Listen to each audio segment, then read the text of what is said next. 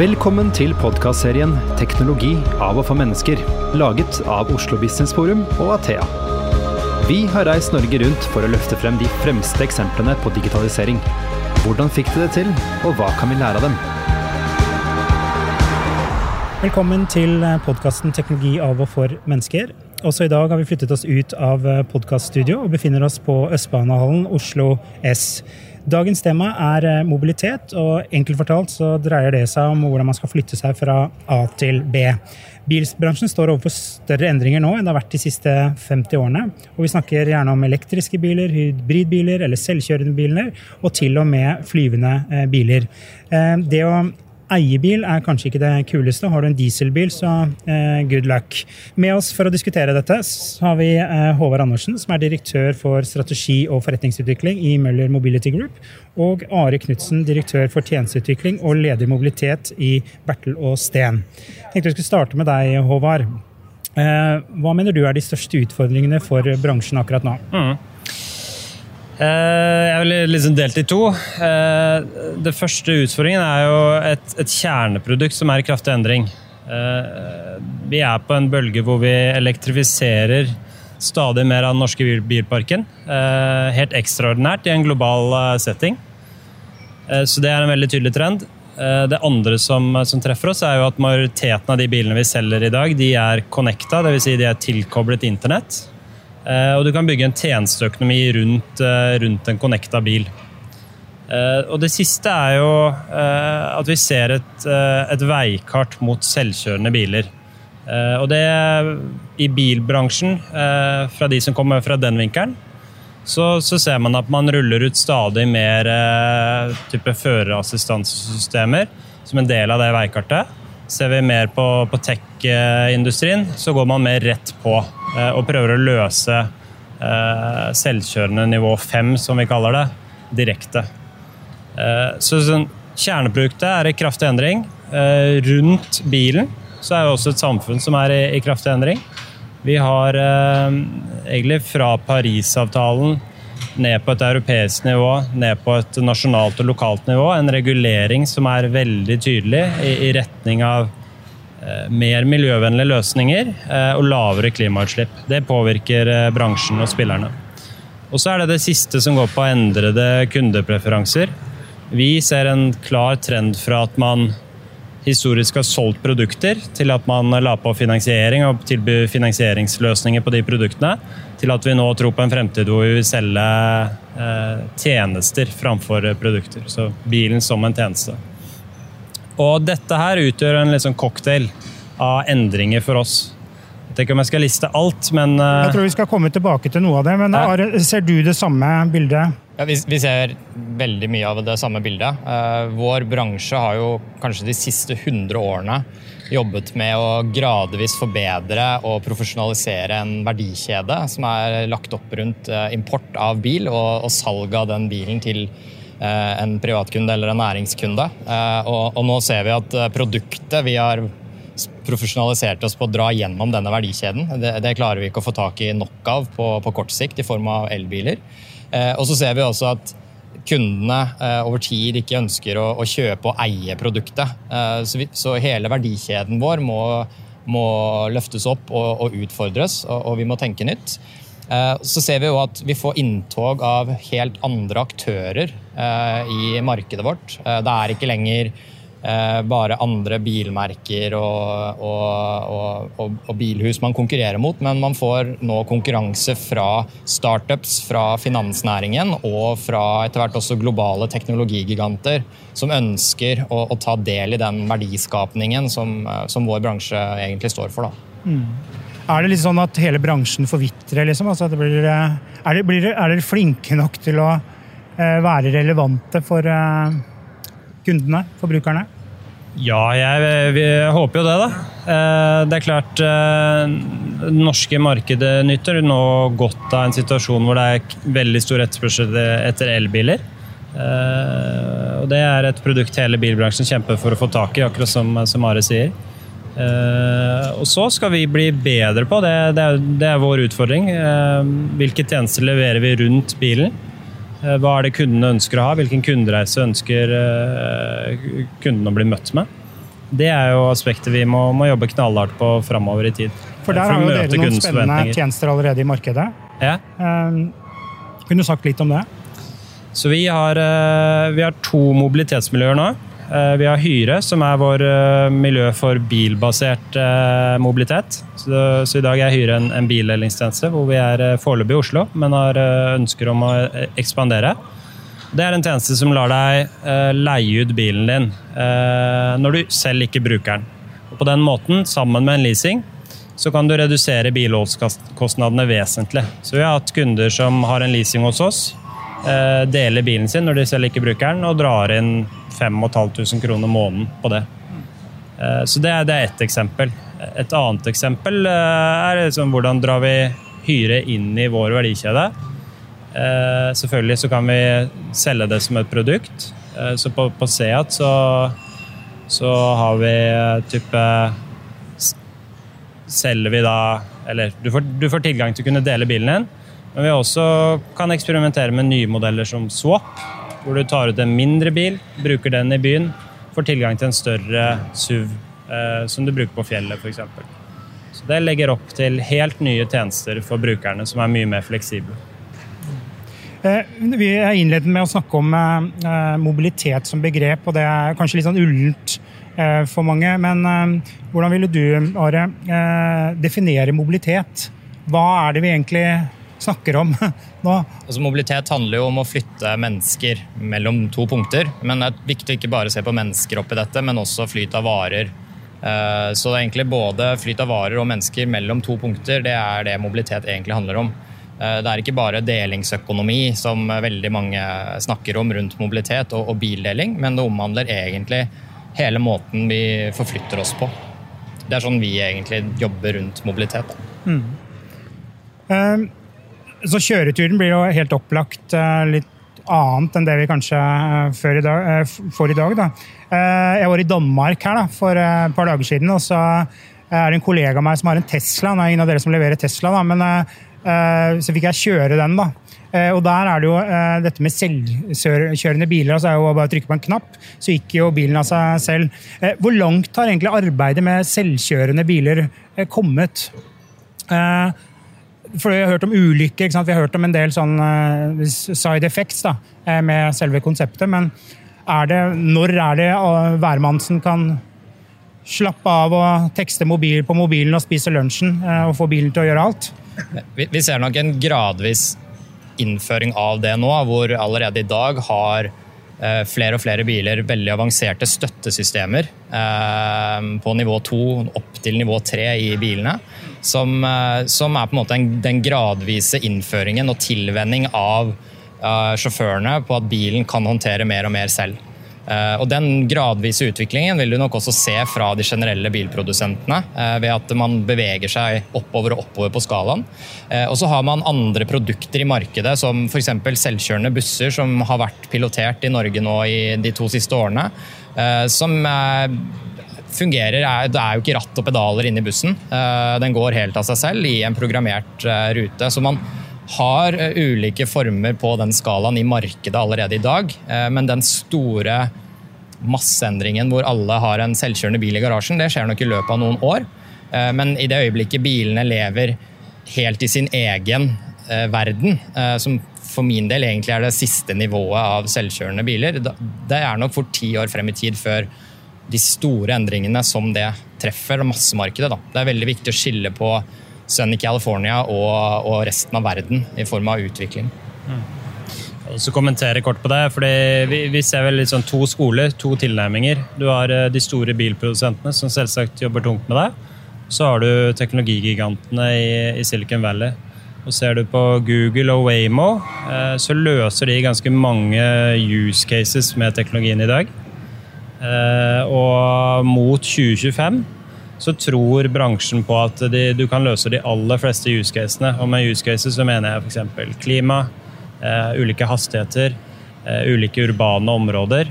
Eh, så, så det er litt sånn Teknologien som sådan eh, tror jeg mye vil ha skjedd mot 2025. Og så er det regulering. Og så er det Vi lever jo i et marked som, eh, som har sine særegne forhold. Så hvis, hvis du ser en, en kald vinterdag i, i, Norge hvor det har bøtta ned med, med, snø, så er det litt vanskelig å se for seg at du, du kan operere en eh, helt selvkjørende tjenestemodell rundt det. Eh, men, jeg ville hatt måking òg, ja. ja. Da skal du måke godt. Han gjorde alt. Det var bare å sette seg i bilen og Men da er det viktig, der, der er det jo norsk teknologi nå som ble pilotert på flyplasser i fjor, og som kommer enda mer i år. Eh, hvor Kongsberg og en del andre har jobbet veldig tungt med å lage selvkjørende brøytebiler for flyplassene. Eh, så den teknologien er faktisk norskutviklet og i ferd med å komme, faktisk. Eh, og I Finland jobber jo nå flere selskaper med å faktisk løse problemet med snø og selvkjørende biler. Og på Kongsberg vil det være en selvkjørende buss i drift, i hvert fall skal de forsøke å holde den i drift de neste ni månedene. Så der vil nok man oppleve litt mer om hvordan problemer rundt snø Eh, treffer den teknologien. Mm. Eh, og så er det jo eh, En sånn stor fordel da, hvis vi er på selvkjørende biler, det er jo at du kan jo eh, fjerne eh, den menneskelige dimensjonen, altså alle de feilene vi gjør som sjåfører. Eh, og så leste jeg her i forberedelsen da, at, at hvis det oppstår en hendelse i, i veibanen Barn går over veien, og så skal bilen svinge unna, og så der du skal svinge unna, så er det et gammelt ektepar som går. Hvem skal dø? Dere, det er jo litt etikk og moral. og Hvordan håndterer man sånne ting når teknologien på en måte tar over? Da? Jeg tenker det er, eh, det er et krevende, emosjonelt eh, vanskelig tema. Eh, jeg tror inngangen til det temaet bør være at Studier viser at med selvkjørende teknologi så kan man redusere ulykkesstatistikken med noe sånt som 90 så i utgangspunktet er jo dette et gode for samfunnet. Eh, og det, det er litt der man bør begynne den diskusjonen. Eh, Jeg kan svare litt mer på det. Det vi må velge å se på der, er jo at maskiner gjør andre feil enn mennesker. Eh, så hvis du i dag er det forskning hvor de bruker f.eks. bildegjenkjenning, hvor de tester maskiner mot mennesker på hva er det du ser på dette bildet. Og, man begynner å komme ganske tett opp til 100% på maskinen. Eh, og mennesket er heller ikke på 100% men de 3 eller 5% feilene man gjør, det er forskjellige feil. Og det vil jo også kunne skje i en eh, autonom hverdag ved at maskinen gjør andre feil enn det menneskene gjør. Eh, så selv om man reduserer ulykker med opptil 90 da, så de 10% som skjer, det kan være fare for at det er andre ulykker enn ulykker som ville skjedd om det ikke hadde vært selvkjørende biler. Det er der man får litt det dilemmaet. Vil man akseptere at maskinene gjør feil? Eh, og det når man har diskusjonene med produsentene på dette, eh, så er man jo eh, f.eks. selvkjørende busser. Så er jo de redd for at det oppstår ulykker, eller at noen aktører tar for store sjanser for tidlig. Fordi ringvirkningene av hele bransjen blir veldig, veldig kraftige. Da. Så man er redd for ulykker for tidlig, da. Ja. Hvorfor? Jeg ville trukket parallellene til flyindustrien. Eh, jeg tror det er et godt eksempel, fordi når du setter deg inn i et fly, så forventer du absolutt sikkerhet. Eh, og det forventer du fordi du ikke selv kan kontrollere risikoen.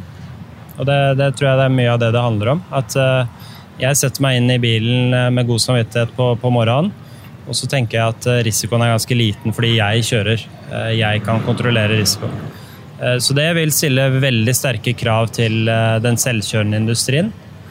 Eh, og så er det noen paradokser da, når man går inn og, og, og skal prøve å regulere hensyn som eh, Altså hvilke hensyn setter man først da, eh, i kritiske situasjoner. Så I det tyske markedet så har man eh, gjort en del undersøkelser, forsøkt å begynne en, en regulering på dette. Og da, da, er på en måte konsensus når man spør opp i opinionen, eh, at eh, menneskelige hensyn, menneskelig liv, skal alltid settes først. Uavhengig av eh, alder, kjønn og andre forhold. Framfor eiendom, dyr osv. Samtidig så er det sånn at når du spør du som sitter i bilen, er du enig i det? Så vil du, når du selv sitter i bilen i den kritiske situasjonen, så vil du si at eh, bilen eh, og teknologien må beskytte meg og min familie eh, at all cost. Eh, og det er litt paradokset. At eh, det å veie de hensynene opp mot hverandre. Det som også er viktig å ta inn i, forhold til det aspektet, er at selvkjørende biler skal jo samhandle med ikke-selvkjørende biler. Eh, de siste fem årene har det kanskje solgt 700 000, enda, eller kanskje enda flere biler i det norske markedet, privatbiler. Eh, og de bilene kommer fortsatt til å være på veien i kanskje i hvert fall ti år til. Eh, og da skal på en måte dumme biler da, samhandle med helt selvkjørende biler. Og, og den samhandlingen må man løse på en ganske god måte. Uh, så det er ikke bare liksom, maskin til maskin uh, samhandling, men det er maskin til human, og da humans i andre kjøretøyer, som også er viktig å ivareta på en bra måte. Ser dere for dere en liksom For bil vil ikke være bil som vi kjenner det i dag om ti år, liksom. Eh, men eh, vi leser jo om at, eh, at bilen blir din personlige butler. Du kan omtrent ha dry cleaning av klærne dine mens du sitter og kjører. Den kan overvåke helsedata, kan gjøre hele masse ting. Hva tenker dere liksom Hva kommer liksom? Hva er det, hva er det neste hotte her? Nå skjønner jeg at selvkjørende biler er liksom ikke noe vi alle har, da. men hvis vi skal tegne den fremtiden, da? tenker det er kanskje to, to, steg. Eh, første steget nå er når bilen blir tilkobla. Eh, og hvilke tjenester du kan bygge rundt bilen da. I forhold til eh, parkering, i forhold til forsikring, i forhold til underholdning i, i bil osv. Så, videre. så bare der har du et veldig rikt tjenestespekter. Du kan få varene levert inn, du kan dele den når det passer deg. Alt som hører med en tilkobla bil. Eh, forskjellen mot en selvkjørende bil er jo da at eh, du frigjør tid for passasjer passasjeren eller passasjerene eh, til å kunne konsumere ulike tjenester. Eh, det kan være underholdning. Det kan være at du skal på fotballkamp med, med, med sønnen din eh, og trenger noe mat på vei i bilen. Har det blitt flydropp med mat ned i luka, eller? Ja, men Det kan være at du kan ha en cateringtjeneste rundt en, en, selvkjørende bil. for all del. Eh, du kan ha en hotelltjeneste hvis du skal kjøre til Trondheim. Eh, det er mange rare tjenester man kan eh, i, i praksis utforme. Så får man jo se litt på reguleringa og hvordan dette havner ut. fordi Det er ikke nødvendigvis at samfunnet er tjent med at alle kjører hver sin individuelle eh, hotellrom til Trondheim. Eh, så, men, men det er et rikt tjenestespekter du kan bygge rundt det. Og det selvkjørende teknologi kommer til å gjøre, er jo å løse mye av de eh, turene kollektivtransporten ikke klarer å løse i dag. Eh, I form av at du får eh, kanskje én million ruter istedenfor eh, 1000 ruter, ved at eh, selvkjørende biler kan optimalisere den reiseruten basert på de som sitter på, eh, automatisk hele døgnet. Eh, så det gjør jo altså at bymobiliteten eh, i veldig stor grad kan eh, bli bedre enn det den er i dag eh, for veldig mange som bor i og rundt byen. Og det er nok en veldig stor bidragsyter til målet om å fjerne biler fra byen, sammen med andre måter for forflytning inn i byen. Så det er også en veldig stor endring, og der ser vi også hvordan kjøretøyene vil bli. da. Men har man betalingsvillighet for det også, så vil man jo i stor grad ha individuelle, selvkjørende kjøretøy som du selv eier eller har helt full og eh, holden tilgang til. Men det handler om hvordan produktet og tjenestetilbudet blir. Eh, bare det blir bedre, et bedre alternativ enn det man har i dag, så, så flytter det også massene over på disse produktene og tjenestene. Eh, tenker dere, eh, for I andre bransjer kan det være sånn at uh, brukt eksempel, Mye brukt eksempel. Da. Det er jo ingen som har kunnet tenkt seg en iPhone før de så den og så hvilken nytte det var.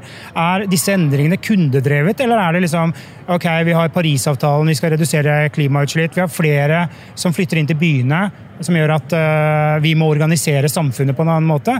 Er dette kundedrevet, eller er det liksom politikerne og noe annet? da? Vil folk ha dette her, eller er det bare jeg tenker det, det, er egentlig et veldig interessant spørsmål. Eh, og jeg tror skal man, altså Nøkkelen til å lykkes med fremtidens transportløsninger er å forstå kunden og kundens behov. Eh, og Hvis du ser på bileierskapsmodellen, da, som har eksistert i over 100 år nå, så leverer den en god kombinasjon av fleksibilitet for brukeren til en lav pris. Eh, jeg har ikke noe tro på at man kan eh, eh, gjøre det, bare skal gjøre det vanskeligere å benytte bilen og få mennesker over i en, for en kollektivtransportmodell. som ikke gir samme fleksibilitet. Så jeg tror vi må søke sammen etter tjenester som klarer å replikere den samme fleksibiliteten for brukeren. Til en like god eller enda bedre kostposisjon. Der tror jeg svaret ligger. Jeg tror, hvis man tenker på hvis man eier en bil i dag, så er liksom totalkosten kanskje rundt 100 000 i året. Da. Kan det koste deg fort å ha en bil stående i, i garasjen. Så du betaler 100 000 for å ha den fleksibiliteten.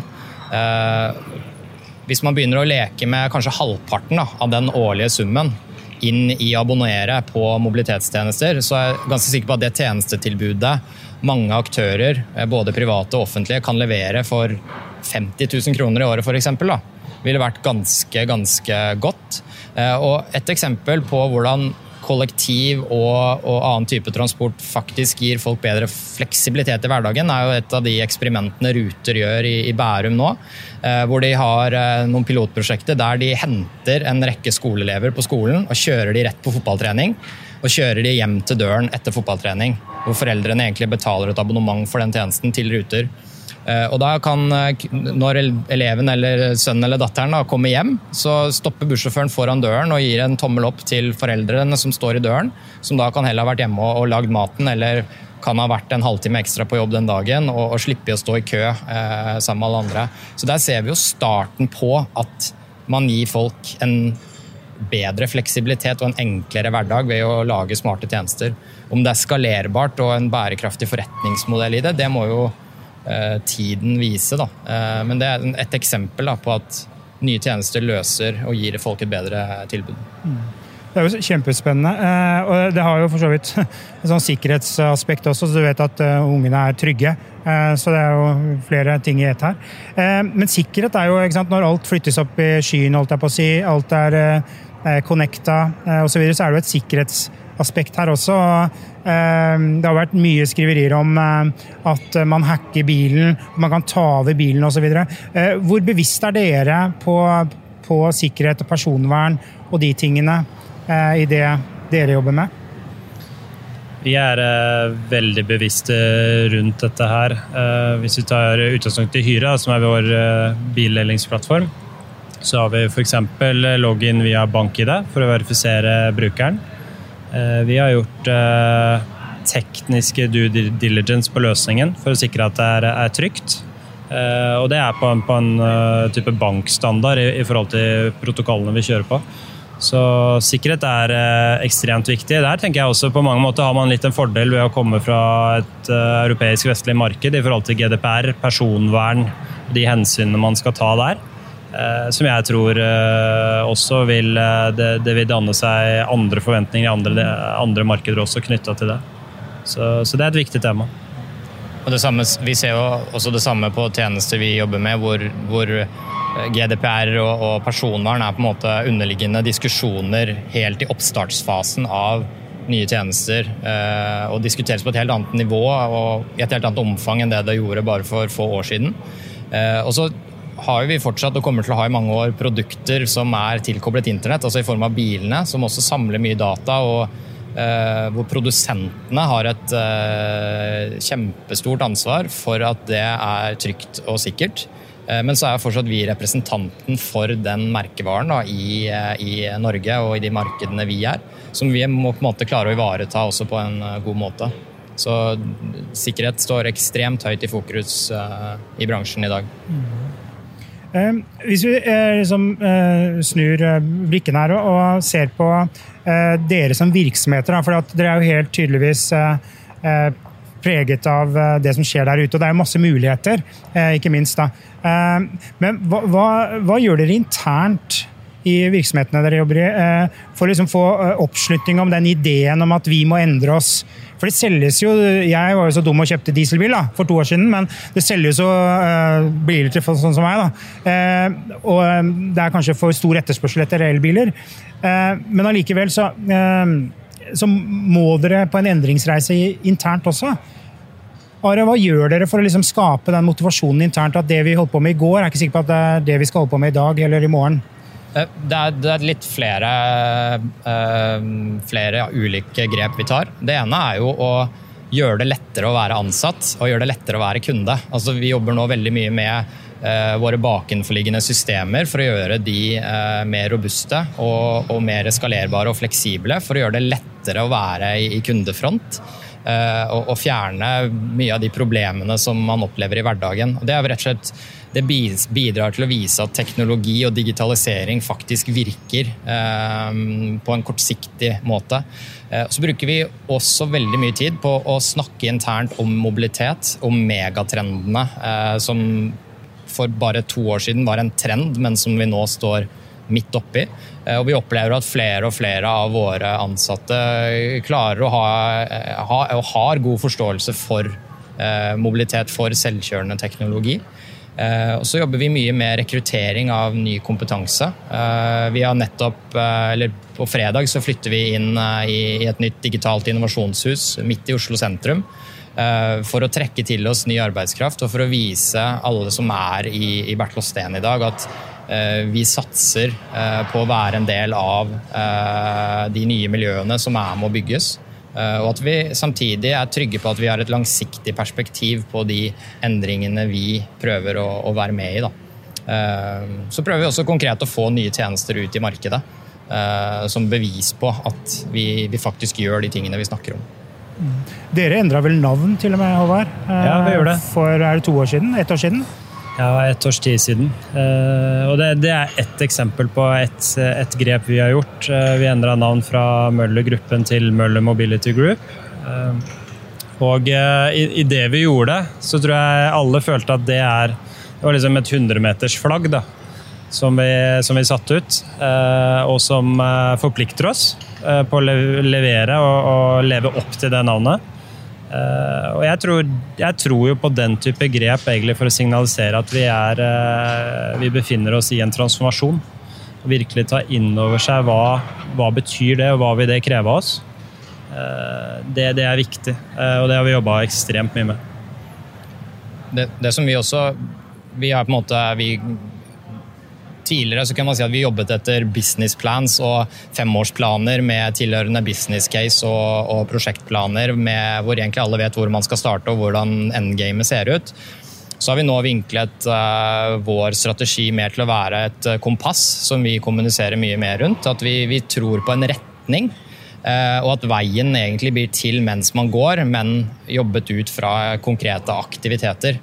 Eh, og så må vi på en måte klare å snu oss og styre underveis eh, for å, for å agere på de hindringene og mulighetene som kommer da, på den eh, reisen. Men vi tror nok at selskapet vårt ser en del annerledes ut enn det det gjør i dag i løpet av de neste fem årene. Mm. Er det noe motstand? Opplever du at det er noe motstand internt? Du skal ikke oute noen, altså ikke det, men er det, er det noe motstand, eller er alle liksom med på endringen? At dere har fiksa det ganske greit? da? Jeg tror Enkelte vil nok eh, kanskje ikke være like enig i hvor fort eh, dette treffer oss. Kanskje for et år siden. Eh, men hvis du ser i dag, på dagens bilmarked sammenlignet med i fjor, hvor alle venter på elbil omtrent, så tror jeg mange nå begynner å se at det vi har snakket om, faktisk er på vei til å skje. Men vi opplever at majoriteten heier på fremtiden og er, og er stolt over at man jobber i et selskap som tør å innrømme at dette er vanskelig, dette er krevende, men også tør å satse og gå all in på å være en god arbeidsgiver og en god samfunnsaktør eh, i mange mange år fremover òg. Jeg tror nok det har vært krevende for mange bilbransjeaktører det å selge inn en god eh, endringshistorie. En, en endringshistorie man kan tro på. fordi hvis du tar eh, egentlig Siden finanskrisen så har vi hatt eh, et marked i konstant eh, vekst og, og god utvikling. Møller har, hatt resultatvekst siste sju år, hvert eneste år.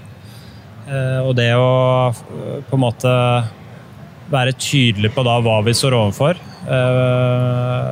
Lage en god endringshistorie som balanserer egentlig litt den burning platform. Hva skjer hvis vi ikke klarer å omstille oss? Men, men kanskje først og fremst fokusere på mulighetene som ligger i omstilling.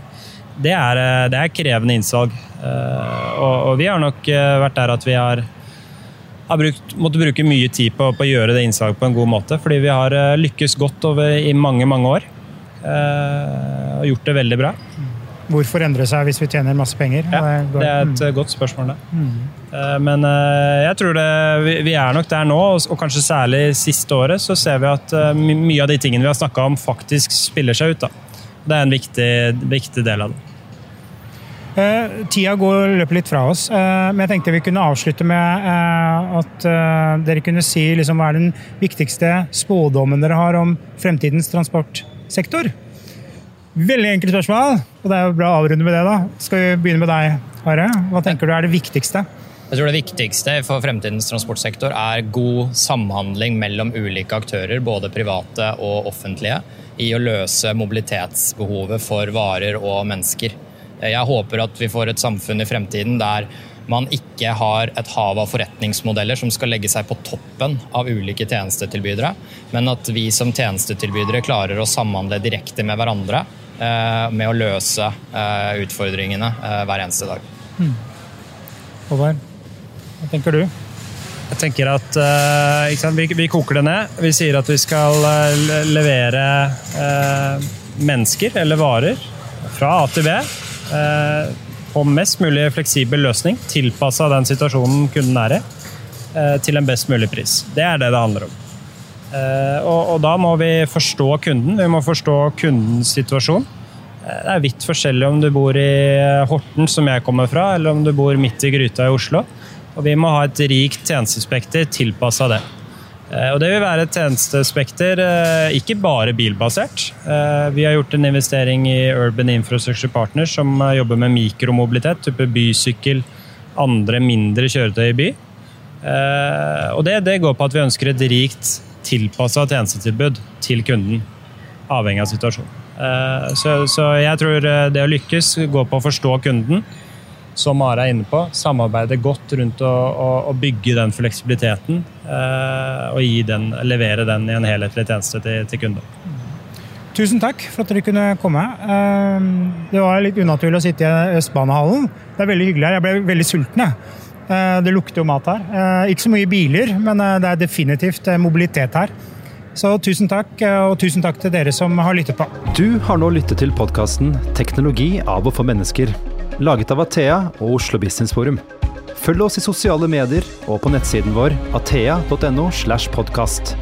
Vi setter utrolig stor pris på om du gir podkasten en vurdering i iTunes.